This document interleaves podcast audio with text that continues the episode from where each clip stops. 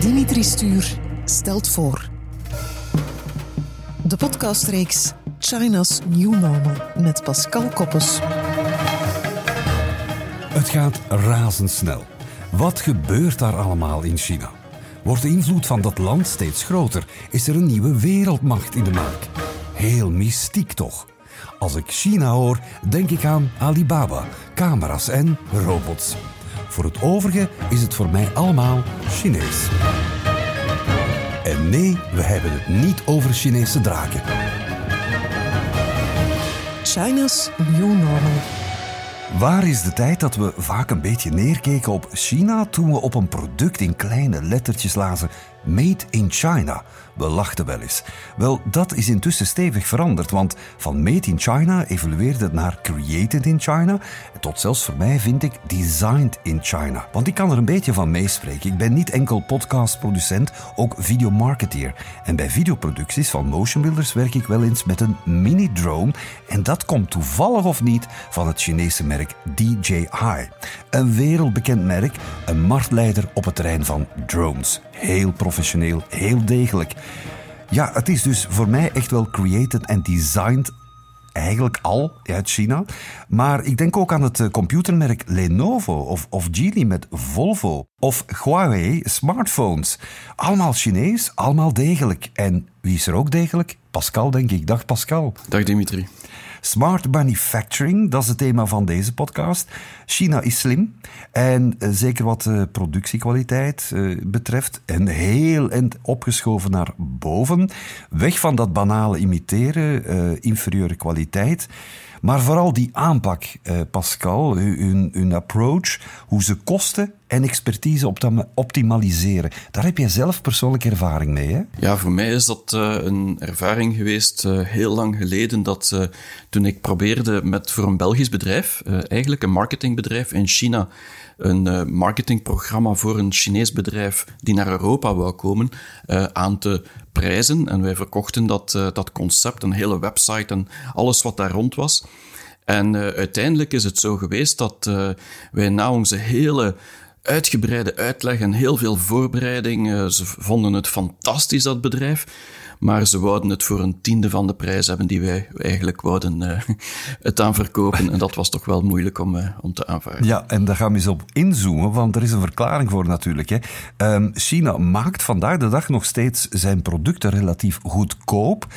is dat dan door ja, helaas dan door lage salarissen, onderbetaalde fabrieksarbeid, Pascal? Alsmaar minder. Als je natuurlijk terugkijkt naar 30 jaar, 40 jaar geleden, uh, dan werd alles die handenarbeid was, dat werd gewoon naar China gestuurd. En mensen moesten eigenlijk daar uh, met, met de handen werken en eigenlijk zorgen dat alles gemaakt werd uh, in China, vooral in het zuiden van China. Maar ondertussen is dat eigenlijk maar een klein percentage nog van de bedrijven, waarbij dat voor vele producties, zeker als het over plastiek gaat of speelgoed, of het gaat over, over echt hoogwaardige materialen of, of equipment, zoals een drone bijvoorbeeld, dat wordt niet meer met de hand gemaakt. En het is net die productiecapaciteit en kwaliteit die ze de laatste twintig jaar enorm naar boven getrokken hebben. Ja, en die prijs natuurlijk zal altijd een stukje lager of competitief zijn ten opzichte van het Westen, omwille van hun eigen gigantische afzetmarkt. Hè? Ja, de Chinezen die denken heel vaak in kwantiteit en wij denken veel meer in kwaliteit. En dat betekent niet dat zij geen kwaliteit willen, maar zij gaan eerst in kwantiteit en dan in kwaliteit denken. En wij doen het omgekeerde. Met als gevolg dat zij vooral een heel grote thuismarkt hebben. En dus al direct weten van wij hebben hier potentieel 1,4 miljard gebruikers. Eh, maar daarnaast hebben zij ook nog de hele wereldmarkt, daar ze kunnen aan exporteren. En dus denken die altijd van, we gaan de prijs zo laag mogelijk proberen te houden, zoveel mogelijk verkopen, en dan met die winsten gaan we onze kwaliteit opdrijven. Maar de eerlijkheid gebiedt ons opnieuw te zeggen, Pascal, dat de Chinese overheid hier ook toch wel een vinger in de pap heeft. Want investeert zwaar mee. Infrastructuur, goedkope energie, robotisering.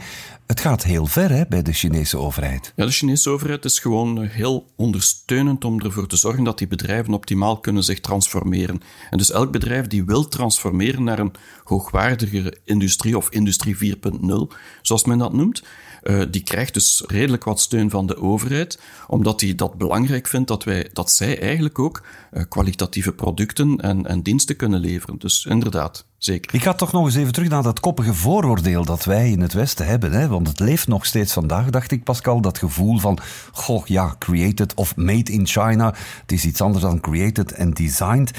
Ehm, dan heb ik het dus over die, wat men vroeger vooral deed. Hè? De, de reversed engineering, het kopiëren, het demonteren van westerse producten, aanpassen aan de noden dan voor hun eigen markt. Die houding, die aanpak, die heeft een overkoepelende naam ook, hè? Ja, ze noemen dat uh, Shanzai. En Shanzai is eigenlijk een term die al honderden jaren bestaat. Uh, van oude legendes. Uh, the Journey of the, to the West is er een van. En dat zijn eigenlijk legendes waarbij dat er een verhaal verteld wordt over rovers die zich wegsteken in de bergdorpen. En Shanzai betekent letterlijk bergdorp. En dus die rovers die staken zich weg van de corrupte, of tegen de corrupte leiders van destijds. En dat is meer een Robin Hood verhaal.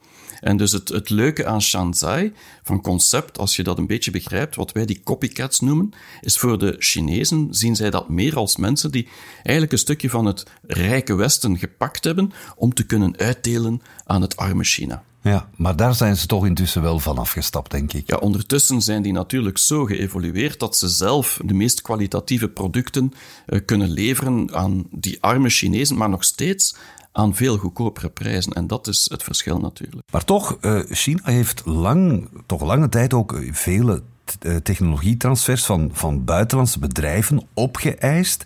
In ruil voor, ja, dan heb je toegang tot onze indrukwekkend grote Chinese markt.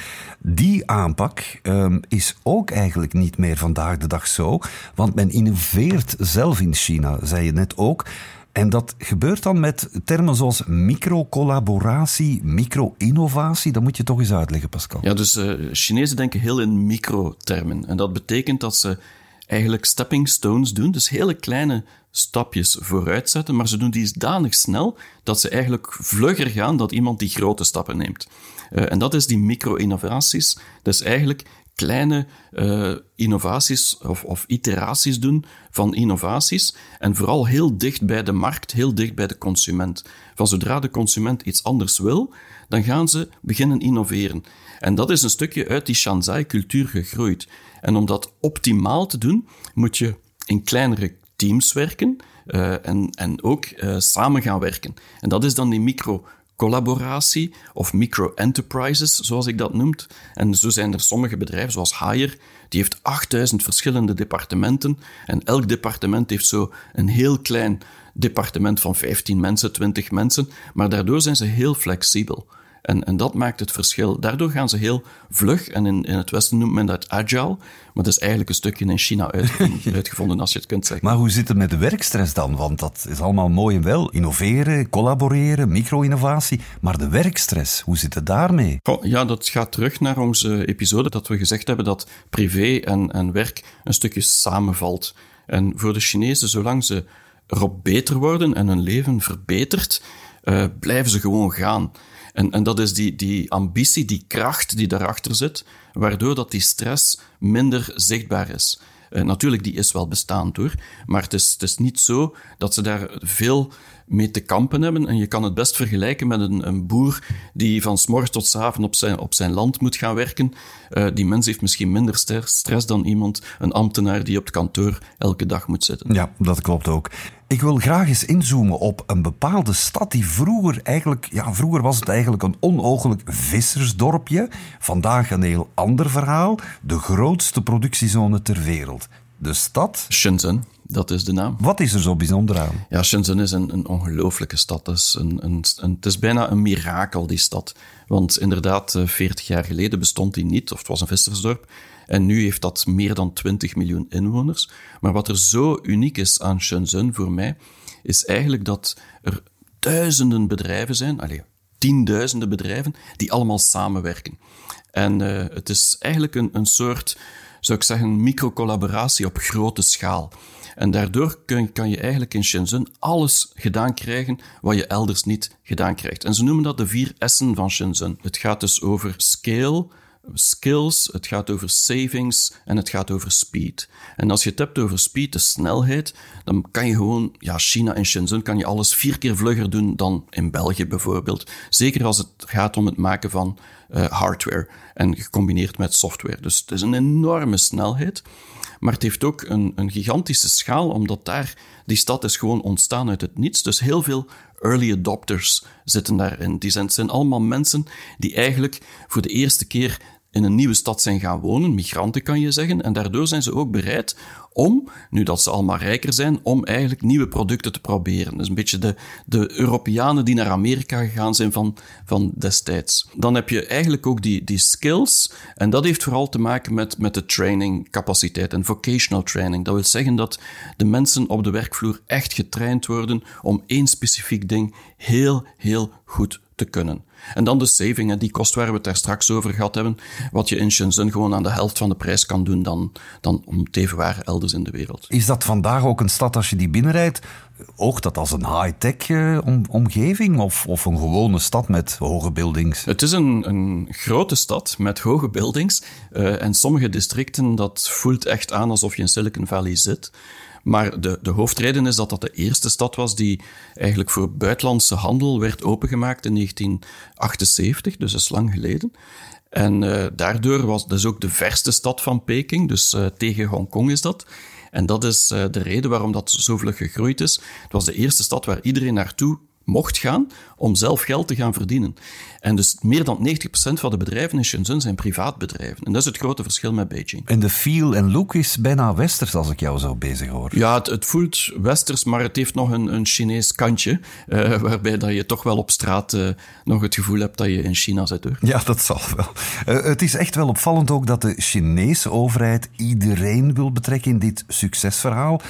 ook de, dus de minder gegoede Chinese burger, de kleine ondernemer. En zoals je het zelf heel mooi beschrijft in je boek, een infrastructuur die de armen van alle bouwstenen voorziet om hun eigen problemen op te lossen. Ja, dat is uh, inderdaad een, een, een, concept die heel Chinees is en dat we niet altijd kennen, maar dat, wij noemen dat inclusiviteit. Maar dat heeft vooral te maken met als je kwantiteitsgericht denkt, dan denk je ook aan iedereen. Dan denk je niet aan, enkel aan zij die het zich kunnen veroorloven. En dus de meeste Chinese bedrijven die kijken voornamelijk naar die grote markt en daardoor gaan ze heel veel software, hardware, skills, uh, talent en, en infrastructuur beschikbaar stellen aan mensen die zelf eigenlijk zichzelf uit de, uit de armoede moeten halen of die heel ondernemend zijn en eigenlijk niet veel startkapitaal hebben. Dus dat is typisch iets Chinees. Nu, onze hele westerse industrie 4.0 klinkt heel mooi. Die is eigenlijk gestoeld op een productieindustrie die efficiënter, goedkoper en winstgevender moet zijn. En in China gaat men compleet anders te werk. Ja, in China kijkt men vooral naar de markt uh, en men gaat daar eigenlijk automatisatie voor gebruiken om de markt beter te begrijpen. Men kijkt meer naar buiten dan men naar binnen kijkt. Dat betekent dat men vanuit de markt en de klant de noden gaat proberen te begrijpen en dan gaat die gaan aanpassen naar de noden van de klant zoveel mogelijk. En soms maakt men daardoor niet zoveel winst, maar als je dat heel veel keren doet, dan wordt de winst wel groter op termijn.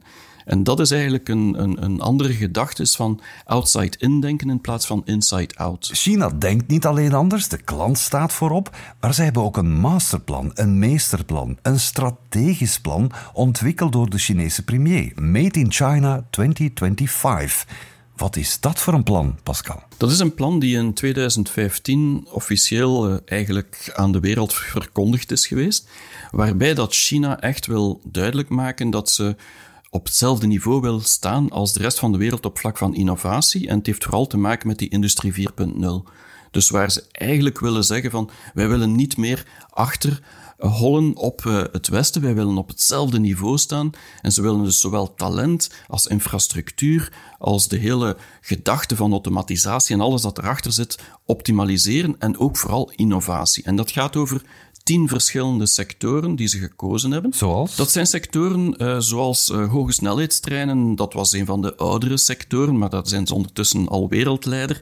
Maar ook dingen in de, in de ruimte, dingen zoals elektrische wagens. Je hebt uh, sectoren in de landbouw bijvoorbeeld, maar ook de ICT-sector. En dan spreekt men vooral over artificiële intelligentie, over IoT, 5G uiteraard. Dus het zijn allemaal sectoren, tien sectoren, die eigenlijk wel de sectoren zijn waar Amerika uh, of Europa uh, vandaag de dag nog steeds de wereldleider is. En daarom kwam ook natuurlijk dat plan Made in China 2025 bijna als een donderslag bij heel de hemel binnen tot in Washington. Ja, want in Washington hadden ze plots door dat het Westen misschien niet meer de wereldleider zou blijven in al die sectoren waar zij net eigenlijk de, de, de meester zijn. En, en dat meesterplan van China uh, zou dat kunnen in het gedrang brengen. En, en dat is ook heel, heel duidelijk gesteld geweest in de zin dat ze ook onafhankelijk willen worden van het Westen, onafhankelijk van Amerika.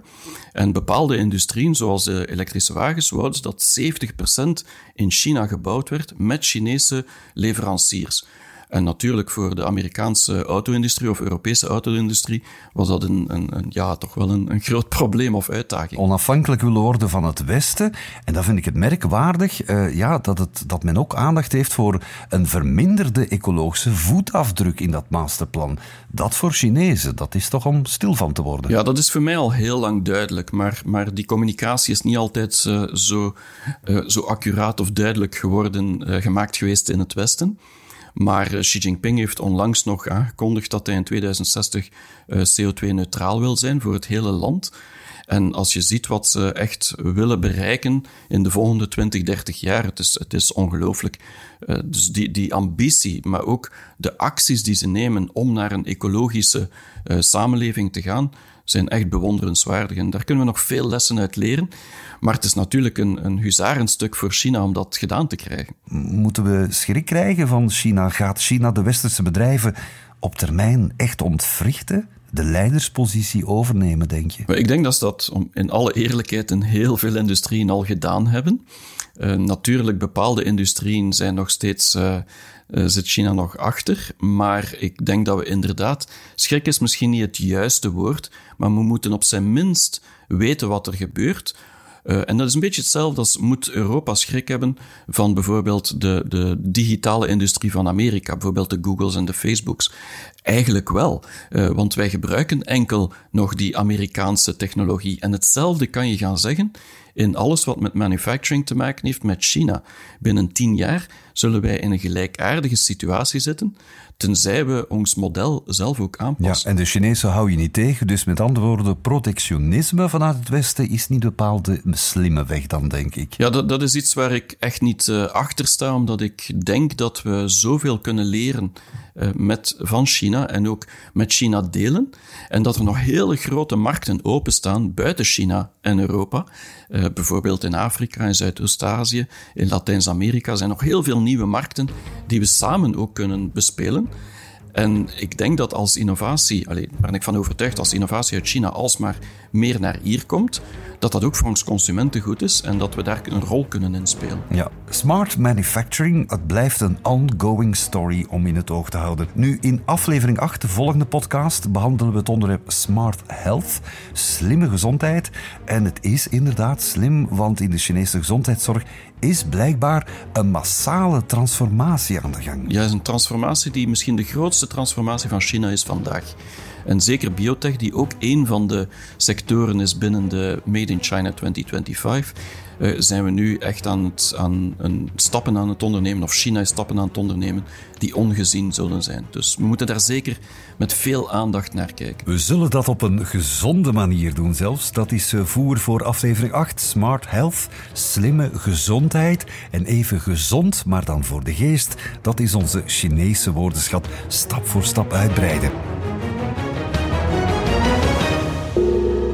Hello, Belgium. Don't be afraid to learn some Chinese. Week after week, you will discover new Chinese words in this podcast series. Are you ready? Let's get started. Benieuwd met waarmee je ons deze keer slimmer wil maken, Pascal? Ik heb voor vandaag uh, aan een drietal woorden gedacht. Uh, en die grijpen terug naar het begin van mijn boek. En die hebben te maken met uh, de maatschappij en de manier waarop dat je met Chinese zaken doet. En ik dacht, in het hoofdstuk manufacturing is dat toch wel belangrijk, omdat toch heel veel mensen die naar China trekken nog steeds om, om eigenlijk producten aan te kopen. En dan moet je de woorden guanxi en mianzi zeker kennen. Oké, eh, dan moet je die eens uitleggen eerst ook. Dus uh, guanxi is eigenlijk de relatie die mensen hebben. En men spreekt vaak van dat Chinees netwerk. Maar guanxi is niet, kan je niet letterlijk vertalen als relatie. Want wij denken dan vaak aan ja, een businessrelatie. Nee, in China een guanxi-relatie betekent echt dat je geïnvesteerd hebt in elkaar, in tijd, in, uh, in alle mogelijke helpen van elkaar. En die relatie wordt zo hecht dat je op elkaar kunt blijven rekenen. Het lijkt wel op onze podcastreeks, Pascal. Het, het, het is een beetje zoals onze podcastreeks, maar het, het, is, het, het komt uit het Confucianisme, waar het voornamelijk een, met familie en vrienden zo is. Maar in China moet je die guanxi hebben alvorens je business kan doen. En dat is primordiaal om dat te begrijpen. Daarnaast heb je het woord mienze. En mienze betekent letterlijk gezicht. Uh, en zoals je weet kan je een gezicht verliezen in China. Dus uh, het is, Chinezen hebben minder het gevoel van schuld. Dus als ze iets verkeerd doen of iets kopiëren, dan voelen ze zich daar minder schuldig aan dan, dan wij Westerlingen. Dat zit een stukje in onze katholieke opvoeding vaak, dat wij ons schuldig voelen. Chinezen kennen dat niet, uh, maar ze hebben wel een, een gezicht die ze kunnen gemakkelijk verliezen. En dus als je een Chinees in publiek uh, iets verkeerd zegt die, tegen die Chinees, dan gaat hij zich slecht voelen omdat hij zijn gezicht verloren heeft. Maar belangrijker nog in business is eigenlijk om mensen een gezicht te geven. En dus hoe meer gezicht dat je geeft aan iemand, hoe meer respect dat je geeft, hoe meer dat zijn status verhoogt in zijn gedachten. En daardoor kan je eigenlijk betere business gaan doen. En het is dus heel belangrijk om die vriendschap, die guanxi op te bouwen, maar ook om die mensen gezicht te geven. En voor wie geen gezichtsverlies wil lijden, die kan best de uitspraak van de woorden die Pascal ons eh, deelt, uh, gewoon even privé houden of onder de douche. Maar je hebt er nog een derde, hè Pascal? Ja, het woordje lao. En dat is een van mijn favoriete woordjes, omdat dat uh, oud betekent. Maar in China, iemand die oud is, die krijgt respect. En dat gaat dan terug op het vorige woord. Uh, dat gaat eigenlijk over mienze, dus gezicht geven of respect geven aan iemand. En lao kan je in vele vormen zetten. Bijvoorbeeld, laobaan betekent baas. Laogong betekent echtgenoot. Laopo betekent uh, echtgenote. Uh, betekent leraar. En laowai, dus laowai, betekent buitenlander. En wai betekent buiten. En lao betekent oud. En wat leuk is aan dat laatste, die Laowai, is dat de meeste buitenlanders die naar China gaan en die horen iemand Laowai zeggen, dat klinkt dan oude buitenlander, die zijn eigenlijk een stukje verontwaardigd en, en, en niet echt tevreden met die uitspraak. Maar voor Chinezen betekent dat echt respect dat ze geven aan die buitenlander. Goed dat je mij op de hoogte brengt, want ik dacht altijd Lawai dat het gewoon Lawai was. Maar het is veel meer dan dat. Pascal, dankjewel en tot de volgende podcast. Tot volgende week, Dimitri. En voor we deze podcast echt afsluiten, zetten we graag nog eens de nieuwe Chinese woorden op een rijtje en speel ik even assistent van Ninchin, die uiteraard voor de perfecte Chinese tongval zorgt. Here we go Relaties of connectie. 关系、 Gezicht. 面子、 Oud. 老、 Baas. 老板、 Echtgenoot. 老公、 Echtgenote. 老婆、 Leraar. 老师、 En tenslotte buitenlander. 老外、 En nu even snel naar elkaar. 关系、面子、老、老板、老公、老婆、老师、老外。 Dankjewel, Minchin. Alles herhalen laat ik aan u over. Bedankt om te luisteren en tot de volgende podcast. China's New Normal.